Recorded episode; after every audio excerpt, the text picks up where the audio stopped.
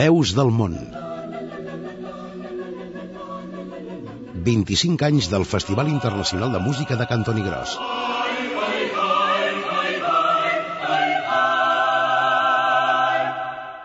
Amb Anna Jové i Albert Torrents.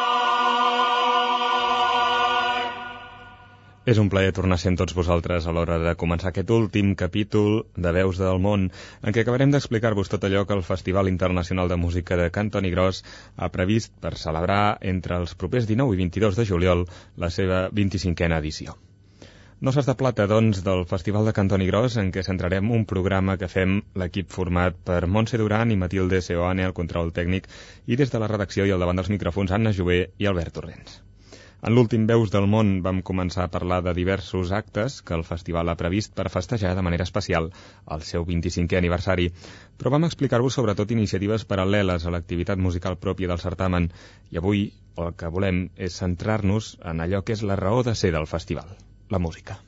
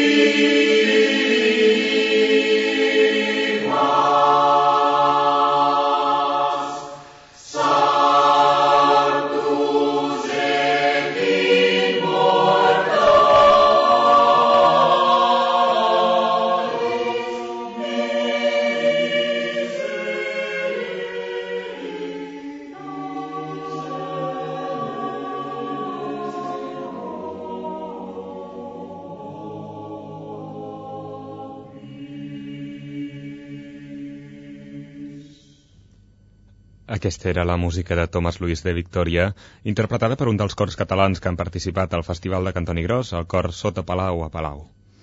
Enguany, les cites musicals del festival començaran paradoxalment amb un concert que no tindrà lloc a Cantoni Gros, sinó a Barcelona, i serà la primera oportunitat que tindrem de sentir el cor Tower de Nova Zelanda, el primer grup procedent d'Oceania que participa al festival. Aprofitant la seva estada a la ciutat comtal, el Tower New Zealand Youth Choir actuarà a l'església de Santa Maria del Pi de Barcelona el dia 18 de juliol, un dia abans de la inauguració del festival. Aquest cor, format per 52 cantaires, es va fundar l'any 1979 i d'aleshores ençà ha fet un munt d'actuacions al seu país i cinc gires internacionals que n'han reafirmat la reputació.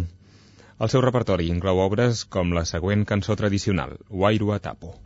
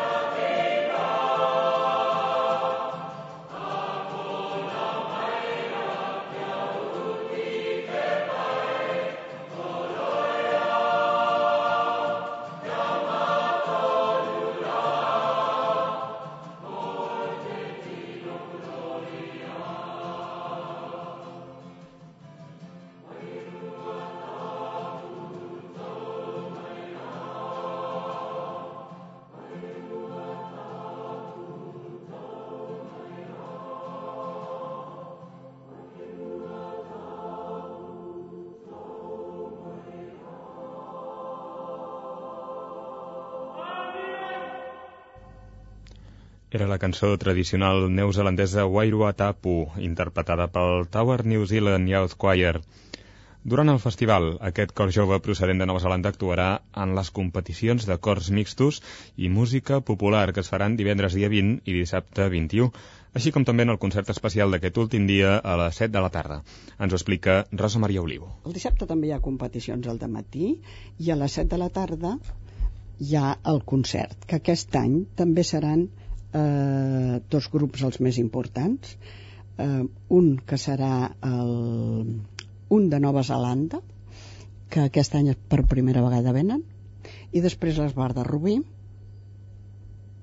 que no podia faltar com a representant dels esbars d'aquí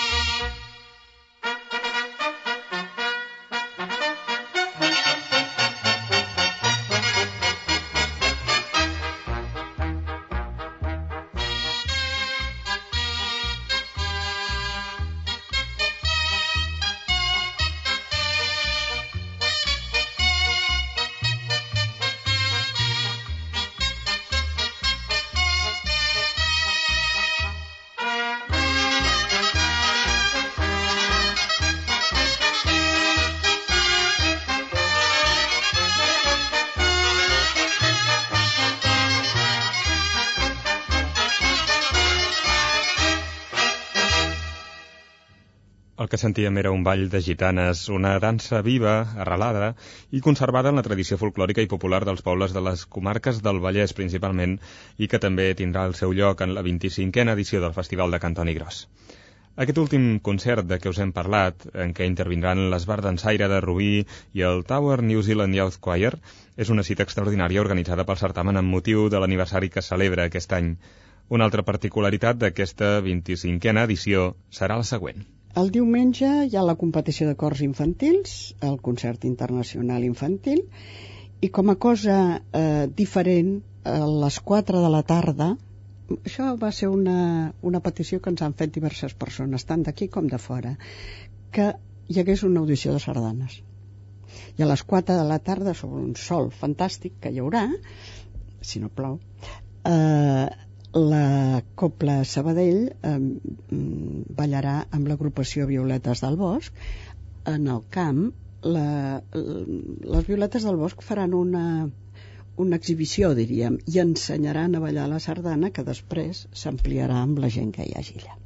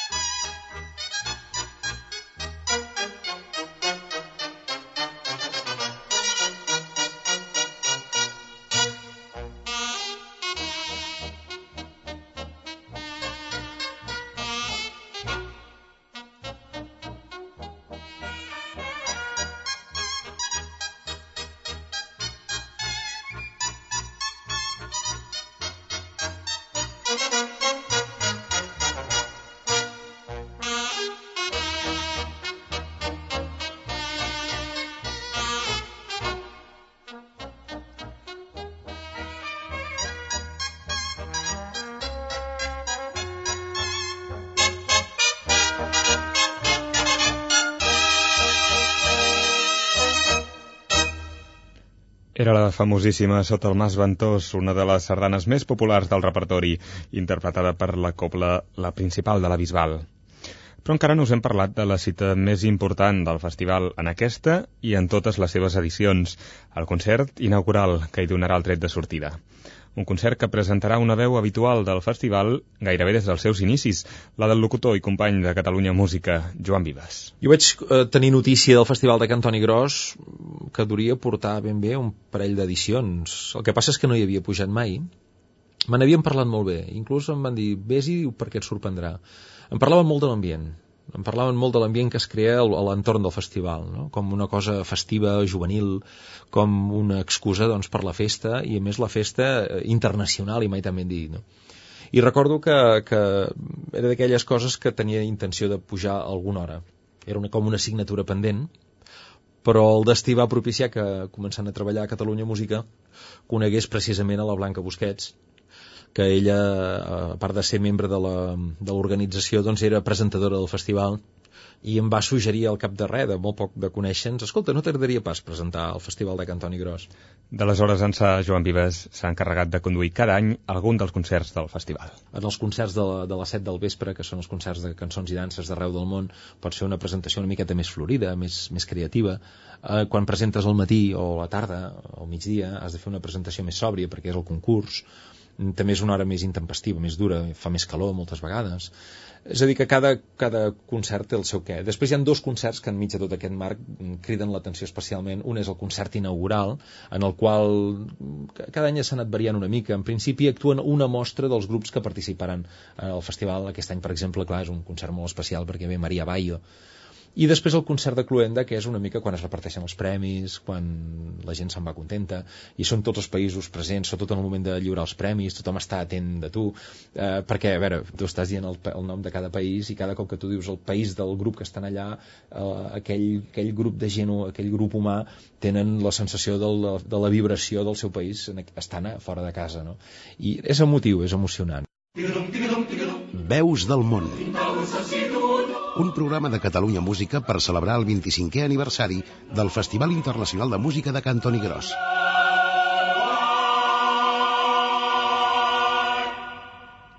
Enguany, ens ho apuntava ja Joan Vives, per destacar l'excepcionalitat de les noces de plata del Festival Internacional de Música de Cantoni Gros, el concert inaugural tindrà un disseny especial. Josep Maria Busquets. Farem un concert inaugural, en aquest cas eh, fora de les, eh, diríem, de lo que habitualment són els concerts inaugurals, que són únicament fets pels grups del festival. Aquest any hem convidat a l'Orfeo Català, a la Jo Orquestra Nacional de Catalunya, a Edmond Colomer com a director, i a Maria Bayo perquè cantin el, el Glòria de Polenc, que és una obra eh, molt esplendorosa de la, de la creació eh, contemporània de, de Polenc i que és una manifestació de l'alegria i la joia en forma d'un glòria i que nosaltres en aquest cas volem que aquest sigui, el, diríem, el leitmotiv d'aquest concert inaugural, en el qual tant la Jove Orquestra Nacional de Catalunya, que és una orquestra, diríem, en principi amateur, que són estudiants, com l'Orfeo Català, que també és un cor amateur, eh, siguin els protagonistes, en aquest cas, de, amb gent nostra del que és la inauguració d'aquest festival, amb aquest Glòria i altres obres que es cantaran, però bàsicament aquesta era una mica la filosofia d'aquest concert inaugural. Es fa un concert inaugural. Primer es fa la presentació de tots els grups, després hi ha els parlaments eh, convenients, i després es fa un concert de danses i música del món. Però aquest any això ha, ha canviat d'esquema, diríem. Només actua eh, el cor, que va ser un primer premi de competició, i, i el, les danses, que van també ser un primer premi. I llavors la segona part serà eh, Maria Bayo amb, amb l'Orfeo Català i l'Orquestra Nacional de Catalunya el Colomer de director. De manera inevitable, una de les participants d'aquest concert inaugural ha centrat l'atenció dels dies previs al festival.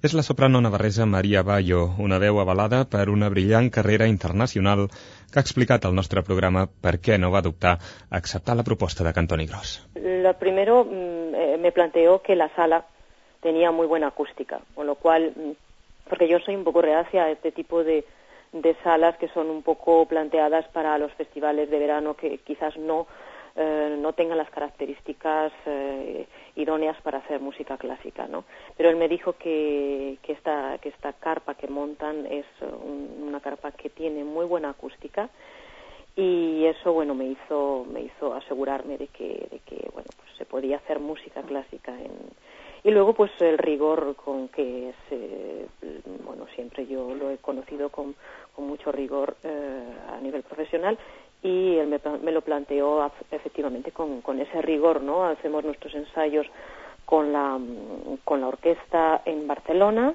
hacemos los ensayos oportunos eh, y luego me propuso también este Gloria de Poulain que me hacía mucha ilusión volverlo a cantar. Hacía muchísimos años que no lo cantaba y, estaba bueno pues eh, tenía mucho, muchas ganas de volverlo a interpretar eh, este este Gloria de Poulain tiene la dificultad eh, también un poco de esas matices que tiene que tiene que ser una atmósfera muy especial muy muy particular.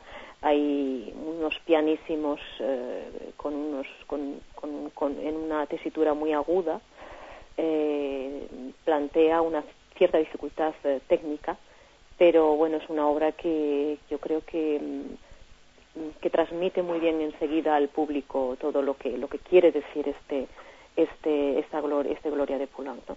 transmite inmediatamente al público y engancha muy bien al, al, al público a mí me parece que es una obra muy interesante, una obra estupenda y además, bueno, pues eh, eh, Poulenc también voy a hacer este año eh, otra obra de él y me venía muy bien pues meterme en su, en su mundo, en su armonía, en su, en su musicalidad, ¿no? El concert inaugural de la 25a edició del Festival Internacional de Música de Cantoni Gros, que tindrà lloc d'aquí a ben pocs dies, dijous, dia 19 de juliol, centra l'atenció del nostre programa d'avui. En el reportatge d'aquesta última edició de Veus del Món, Anna Jové ens descobreix com es preparen els que en seran protagonistes. El compte enrere ha començat. Falten només 10 dies perquè la música i la dansa ressonin un cop més per les muntanyes i els prats del Cabrerès.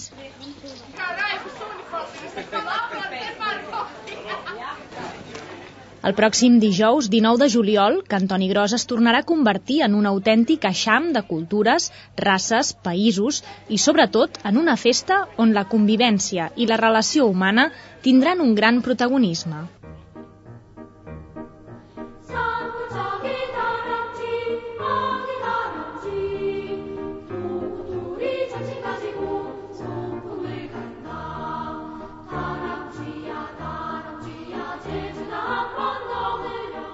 Aquest any tot serà una mica més especial.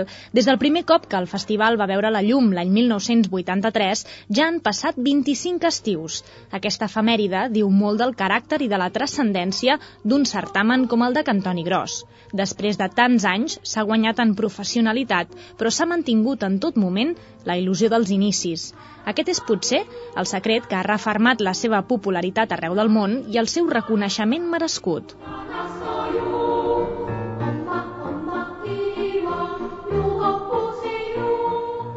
Tots els festivals comencen de la mateixa manera. El dijous, a les 7 del vespre, una parella de representants de cada cor i grup de dansa es prepara amb la indumentària típica del seu país de procedència darrere l'escenari. És aquí on es respiren els primers nervis i les primeres emocions. L'auditori s'omple a vessar de gent i després de l'himne comença la cerimònia de benvinguda. Bona tarda i benvinguts al 24è Festival Internacional de Música de Cantoni Gros.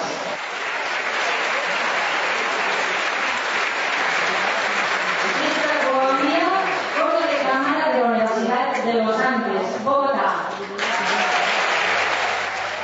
Enguany, l'acte d'inauguració serà una mica diferent. Malgrat que es conservarà la presentació de tots els participants en aquesta edició, hi haurà canvis pel que fa al concert d'obertura. 25 anys no se celebren cada dia i per això s'ha organitzat un acte més cerimoniós i espectacular que de costum.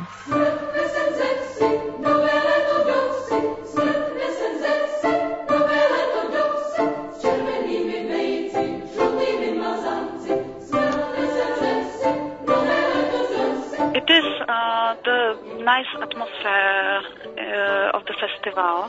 El que més ens agrada sempre és l'ambient del festival. A mi m'encanta perquè és competició Però, per sobre de tot, és una trobada amb gent de tot el món que els encanta la música i la dansa, i això és preciós. And it is very nice.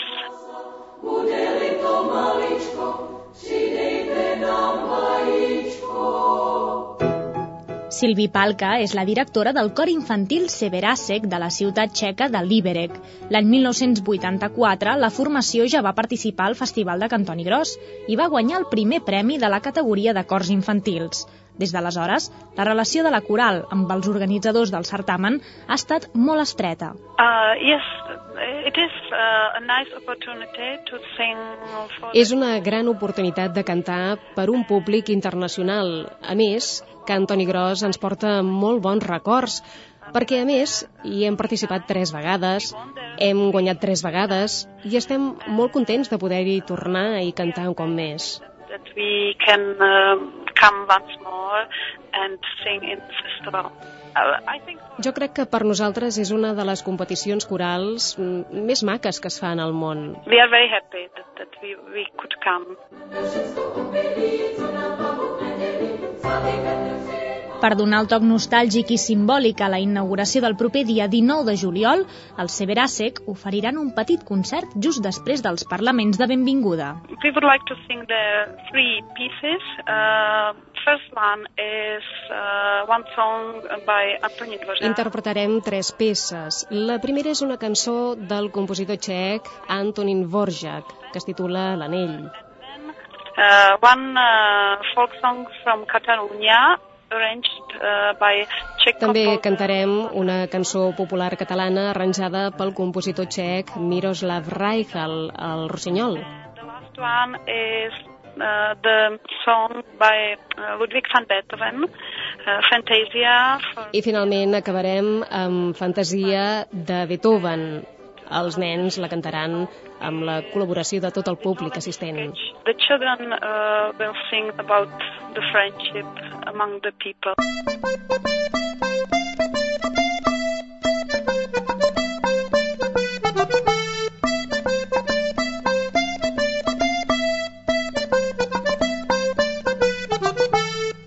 El grup navarrès Mutiko Alaiak Dansa Taldea també va participar als inicis del festival, concretament en l'edició de l'any 1986, i també es van dur el primer premi de la competició.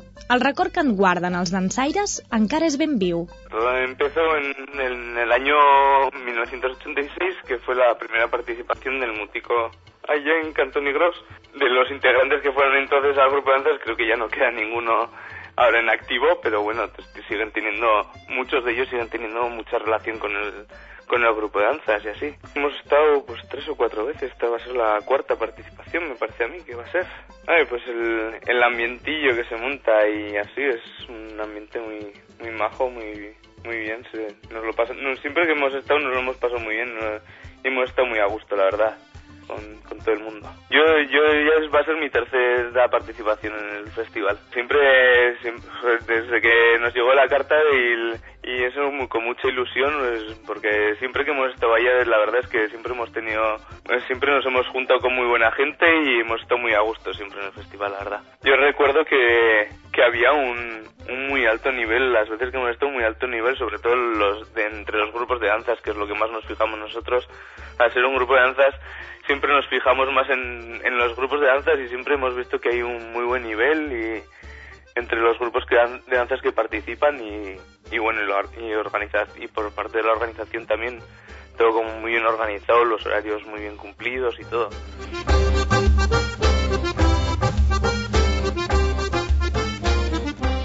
Miquel Cia és el responsable del grup i l'únic integrant que es manté des del 86. Ells també actuaran en l'acte d'inauguració i interpretaran dues de les danses que anys enrere els van fer guanyar el guardó més important de la categoria. Sí, ya tenemos preparado lo que son las actuaciones y así, ya lo tenemos todo, todo preparado, pues nos falta limar detallicos, algunos detalles y así, pero, pero sí, ya está todo preparado y todo listo para ir vaya. Pues son dos bailes de, de la costa, que son unas... Lo primero bailan las, las chicas, un baile, un baile de las chicas, que es un, una... Se representa unas, unas pescadoras que llegan a, a puerto a vender las, las sardinas en principio. Y luego llegan los, los hombres que baila un, un hombre encima de, de un arcón así grande que representa el cobrador que había en, lo- en los puertos antiguamente que iba cobrando al, a los a los que estaban en el puerto. Pues el, el de las chicas, bueno, son dos bailes que los nosotros los solemos bailar siempre juntos porque van muy unidos, siempre así. Los dos de la costa son, van muy unidos. El de las chicas es cascarot, se llama, y el, el de los chicos cacharranca.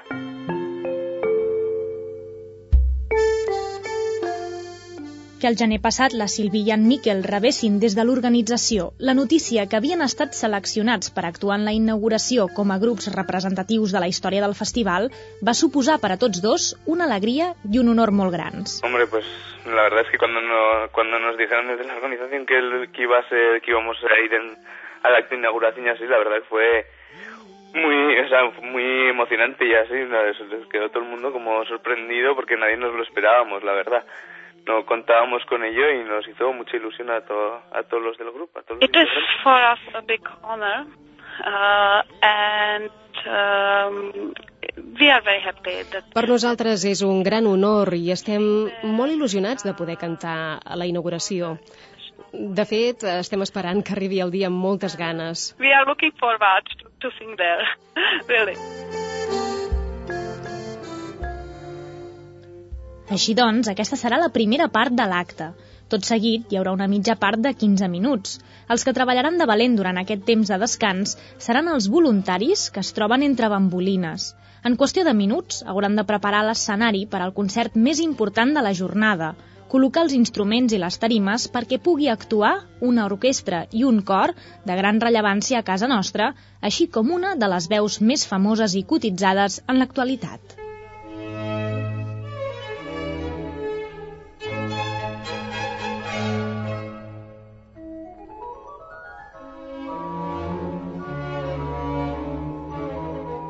Hi ha una diferència notable en el sentit de que cada any el concert d'inauguració ha estat un concert en el qual doncs, eh, eren els mateixos participants que després concursaran els que doncs, actuaven. En alguns casos eh, ja interpretaven obres de repertori que després cantarien dins del festival, en altres casos obres diferents, eh, fora de concurs. En aquest cas és molt diferent perquè eh, encara que hi ha un cor, és un cor emblema a Catalunya, és l'Orfeo Català. Actualment l'Orfeo Català, a més a més, és un dels millors cors que hi ha no solament a Catalunya, sinó a Espanya.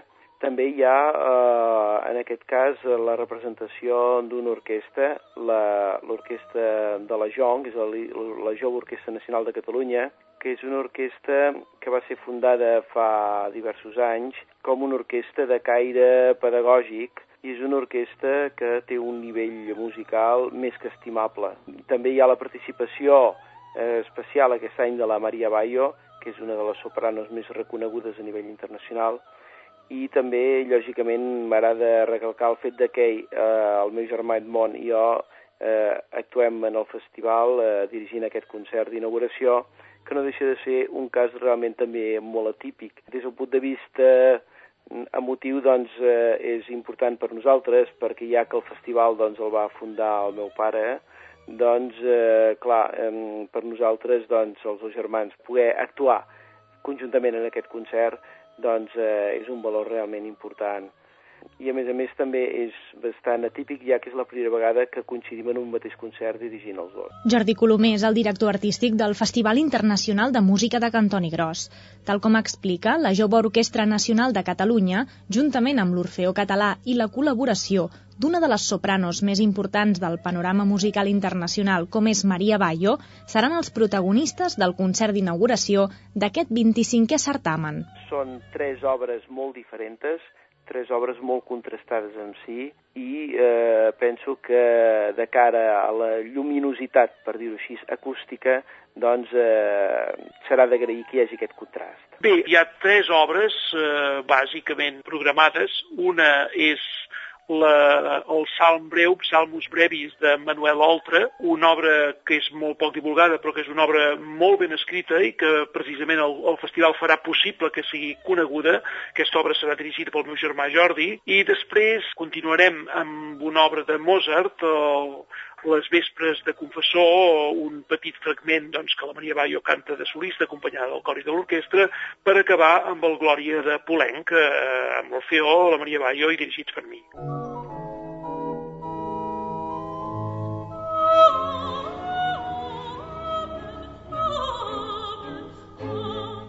El director d'orquestra Edmond Colomer, germà d'en Jordi i també fill del primer director musical que va tenir el festival, el mestre Àngel Colomer i del Romero, serà l'encarregat de dirigir dues de les tres peces que s'interpretaran, Laudate Dominum, de les vespres de Confessore de Mozart, i el Glòria de Polenc. En la literatura musical per cor i orquestra hi ha moltes obres que, en, eh, que tenen un pes extraordinari, no? Podríem haver escollit altres obres, podríem haver escollit Mozart, podríem haver escollit Beethoven. Jo diria que en el cas de Polenc eh, podríem dir que aquest Glòria, a part de, de l'esperit eh, extrovertit, esperit eh, de joia del text i de la música, representa també aquest pont d'unió entre la tradició i la modernitat. Polenc, no, no oblidem que és un compositor que va morir el 1963 i que avui encara es considera doncs, un compositor eh, contemporani, malgrat la seva música ja ha passat al repertori tradicional, ja ha passat als programes eh, que, que tothom pot escoltar, però és això, és una, és una música doncs, que respira modernitat, respira joia, respira força. Jo penso que són símbols que s'escauen molt bé a l'esperit del festival.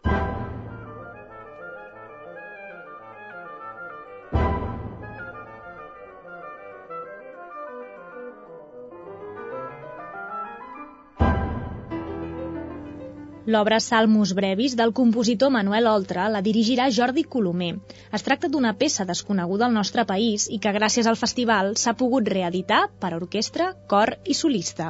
Aquesta és una obra eh, molt interessant. De fet, és una estructura que no deixa de ser molt lliure.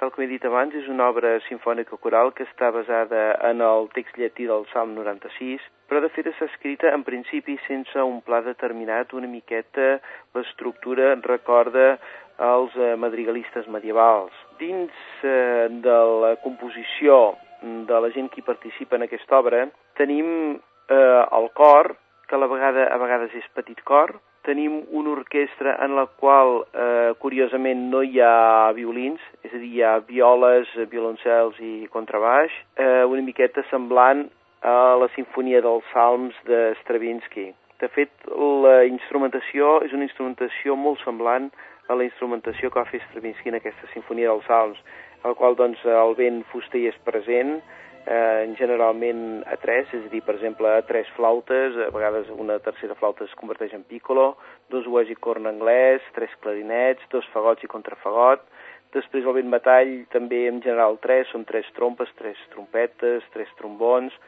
percussió i piano.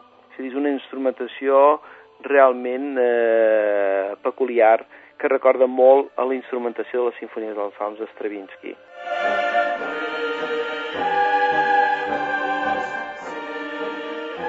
En quant al ritme, el ritme és molt variat, eh, s'alterna sense solució de continuïtat, és a dir, sense parar pràcticament, eh, els tempis són molt, molt variats, tal com he dit abans, i les textures acústiques són molt contrastades. Hi ha vegades que el cor està quasi bé sol, hi ha vegades que actua amb tot el tutti d'orquestra, hi ha vegades que només hi ha orquestra sola, en fi, és molt, molt interessant.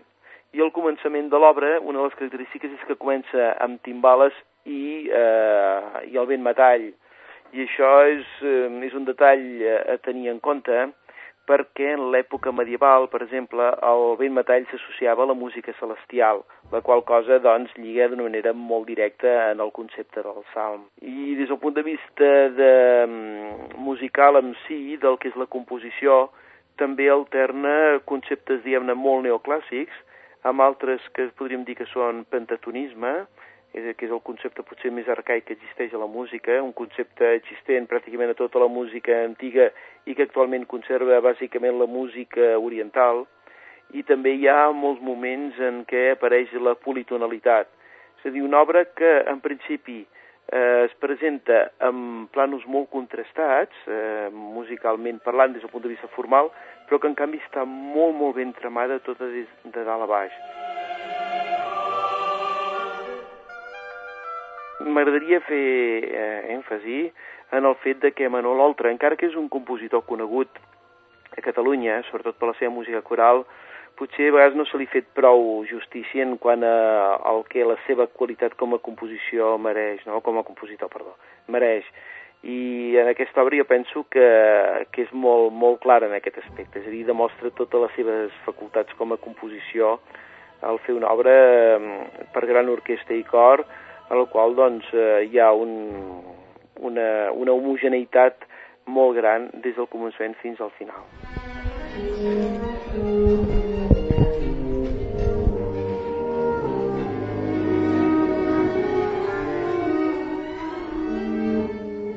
Per poder estar a l'altura de l'ocasió, cadascuna de les formacions ha hagut de treballar de valent per separat.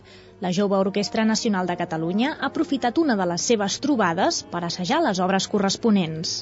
Bé, la John començarà a assajar això pocs dies abans i nosaltres anem a, anem a concentracions, o sigui, ens concentrem per, un, per una producció i vol dir que aquest concert, que és el dia 19, nosaltres començarem la setmana abans a, a preparar-ho, ja amb els directors convidats eh, per aquesta ocasió, que són l'en Colomer i el Jordi Colomer, tots dos, i més enllà de tots dos, el seu pare, l'Àngel Colomer del Romero, que va ser un, un, un personatge molt important al Festival de Cantoni Gros, doncs ells dos seran els directors convidats per la Jong per fer aquesta producció i ho farem des d'una setmana abans aproximadament. Estic segur que anirà molt bé, perquè sempre fem produccions d'aquest tipus és molt estimulant.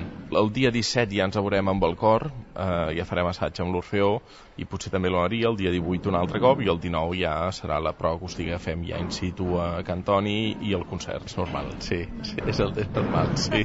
No, home, cadascú pel seu costat ja portarà la feina feta, sí, arribarem al primer assaig i tothom portarà els deures molt ben fets, sí, que serà més una qüestió de escoltar-se, d'aprendre a cantar i a tocar junts i això, clar, disposarem de dies per fer-ho i que sí, tenim temps i crec que anirà molt bé. Bé, això ve d'una petició que se'ns fa des de direcció del festival per commemorar l'aniversari que celebra el festival aquest any i bé, nosaltres de seguida veiem que seria una feliç col·laboració perquè entenem que clar, el Festival de Cantoni Gros ha suposat i encara suposa, diríem, un esforç molt gran i és un festival amb molta transcendència, amb una imatge excel·lent i que més enllà del fet musical pròpiament també aglutina altres valors de la mateixa manera que la Jong més enllà del fet musical també aglutina altres valors en el nostre cas és més els valors pedagògics de formació humana i musical i en el cas del festival diríem un sentiment de fraternitat eh, a nivell europeu i a nivell mundial que jo crec que són valors importants de combinar.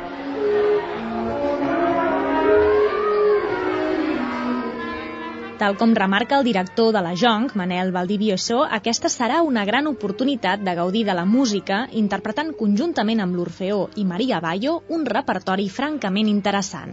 Amb l'Orfeó ens agrada col·laborar i de fet hem col·laborat amb molts cors, molts cors del país, amb, amb Madrigal, amb l'Air Càmera, amb, amb Cantiga, amb, amb molts cors i amb l'Orfeó era l'ocasió de fer-ho aquesta vegada i també n'estem contents i per descomptat que poder tocar al costat d'un solista de la talla de la Maria Bayo, doncs clar, això és un estímul afegit extraordinari, no? El que és l'amateurisme, de diguéssim, ben entès, en el sentit de dir la implicació personal, el treball en equip, el fet d'ajuntar esforços perquè surti alguna té molt a veure amb lo professional. Eh, si vols, la diferència serà que alguns grups amateurs no tenen prou dedicació, no li poden dedicar prou temps com perquè això sigui la seva feina principal, tot i que ho és de vegades des d'un punt de vista d'implicació personal, i en canvi els grups professionals tenen la sort que sí, poden fer això però jo en el fons penso que eh, si un grup professional treballa com ha de treballar, té moltes coses en comú amb un grup amateur i la primera de totes és l'estimació per la feina que fa no? i per la música que fa.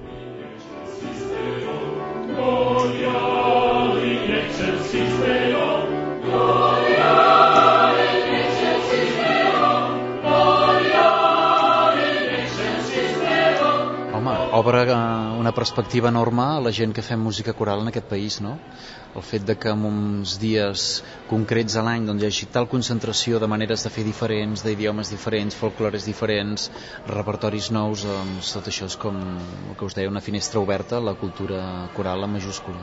Un any vaig ser membre del jurat i en dues ocasions no hi he estat jo, però hi ha estat la meva música, perquè concretament una de les meves peces per cor femení, la cançó de Finestra, doncs va ser, penso que en dues ocasions obra obligada per als cors que es presentaven. Lord. Pep Vila, director de l'Orfeó Català, coneix bé el funcionament i les característiques del concurs coral de Cantoni Gros. Aquest cop, però, hi assistirà d'una manera ben diferent. Tant per ell com per tot l'Orfeó, poder cantar conjuntament amb la Jonc i Maria Bayo és una gran satisfacció. Doncs esperem que el que significarà serà una trobada feliç no? entre artistes que cadascú doncs, fem la nostra trajectòria i que compartirem tot el nostre talent en una ballada molt especial de celebració. Home, amb, amb molt d'estímul, naturalment. Primer pel respecte i l'admiració que ens mereix la trajectòria d'aquest festival que ha aconseguit doncs, reunir any rere any eh, formacions corals de tot el món de primera magnitud, no? I les vegades que hi he pogut ser present doncs, he disfrutat realment d'un nivell de qualitat altíssim. Aleshores, el poder ser presents en el moment en què se celebra una efemèride tan important com un 25è aniversari, amb una obra d'aquesta envergadura que ens agrada molt cantar, amb una orquestra que és representativa de, de lo millor de la nostra educació musical actualment a Catalunya i amb una cantant com la Maria Bayo i el director Latmont, que el coneixem molt i hem treballat i ens agrada moltíssim treballar amb ell, doncs eh, què us haig de dir? Estem encantadíssims i amb molta il·lusió. Molts d'ells tenen molta de la seva discografia, molts han tingut l'oportunitat d'escoltar-la en més d'una ocasió, sobretot al Gran Teatre Liceu, i bé, doncs poder-la tenir a l'escenari el mateix dia que tu cantes doncs és una, un estímul molt important.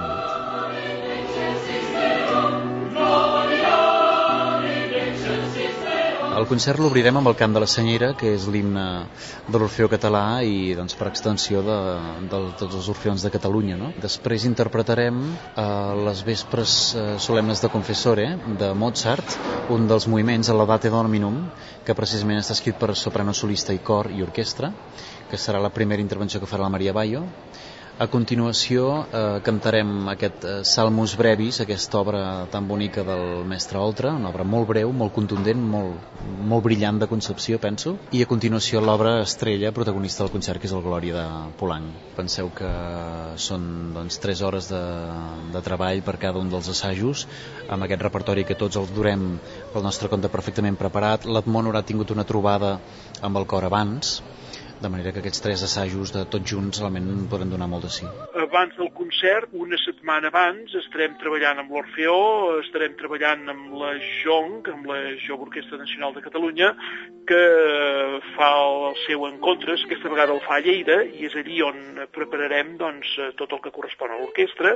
Finalment ens desplaçarem a Barcelona per treballar amb l'Orfeó, ja per treballar amb la Maria Bayo, i ja doncs, eh, enfilats a la recta final, fer l'últim assaig general el mateix dia del concert a Cantoni Gros.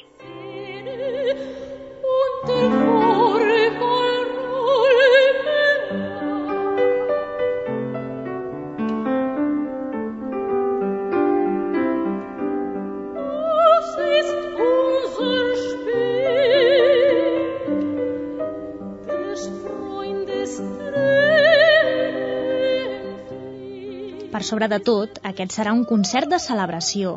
Hi haurà moments per al record i la nostàlgia, però també hi haurà moments per demanar desitjos de prosperitat i un futur ple de música, dansa i entesa entre pobles i cultures. I wish the festival uh, I, for minimum uh, 25 years. Desitjo que el festival duri com a mínim 25 anys més perquè la música i la dansa segueixin sent el punt de trobada entre cultures del futur. Uh, for, for the future. Festival de Cantona Grossa ja és ara una, una fita, no? ja està arrelat a la vida cultural de Catalunya, per tant el que li desitjo de tot cor és continuïtat eh, durant com a mínim 25 anys més i que segueixi doncs, sent un referent en la vida musical i cultural catalana pues que siguiera adelante por muchos años, otros 25 años y, y todos los que hagan falta con, con el mismo espíritu que ha tenido hasta ahora, porque la, ya te digo, la verdad que le,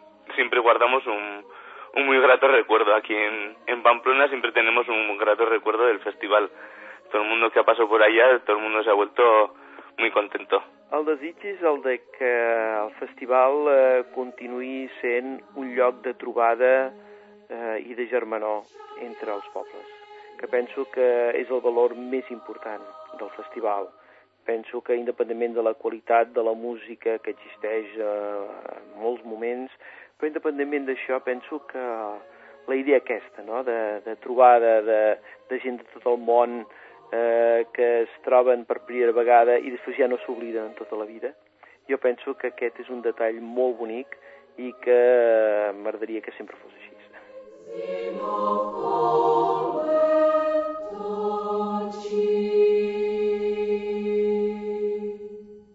molt bonic i demostra qualitat del nostre país. És a dir, a Cantoni Gros hi ha la qualitat dels organitzadors, la qualitat del poble que els acull, eh, la qualitat de la gent que va. I després hi ha la qualitat humana, aquesta, la qualitat d'aquest teixit humà que, que ho fa possible, que no és només de Cantoni Gros, sinó que repeteixo, és no, no sé quants, a 17 o 18 o 20 o 25 pobles, no sé quants per allà, tots tenen gent, no?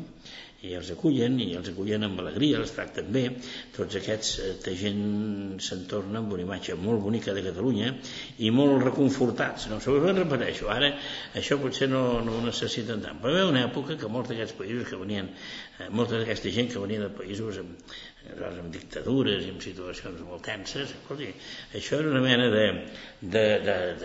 d'aire fresc que podien respirar durant uns quants dies. No? Bé, ara les coses han canviat, però segueix sent un gran festival, el Festival de Cantoni Gros, i que per molts anys ho segueix sent. Glòria.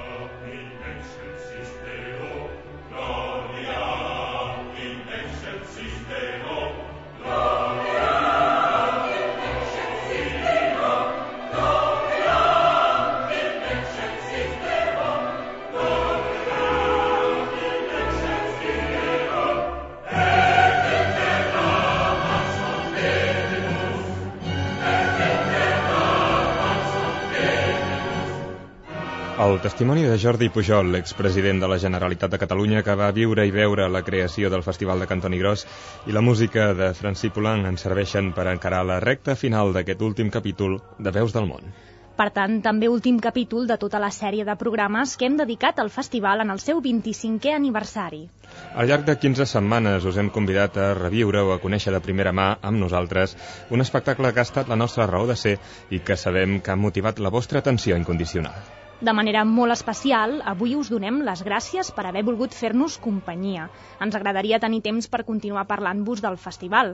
Encara us en podríem explicar moltes coses, però creiem que en lloc d'això, el millor regal que us podem fer és convidar-vos a viure-ho en directe a Cantoni Gros, d'aquí a 20 pocs dies, l'autèntic últim episodi de Veus del Món. Per tots els que en un moment o altre hem format l'equip d'aquest programa, Montse Duran, Matilde Seoane, Rosa Sillué, Eduard Arnàs, Quim Garcia, Dani Expósito, Dani Jiménez, Xavier Salvà, Francesc Cotillas, Víctor Villar, Anna Jové i Albert Torrents, ha estat un autèntic plaer. I avui us canviem el fins aviat per un fins a sempre i fins a Cantoni Gros.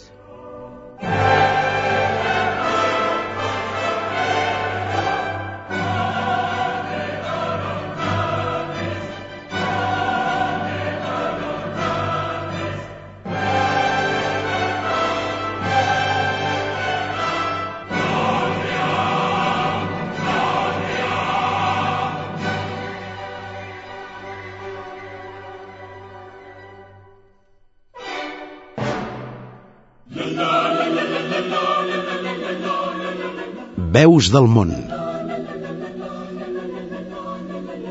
25 anys del Festival Internacional de Música de Cantoni Gros.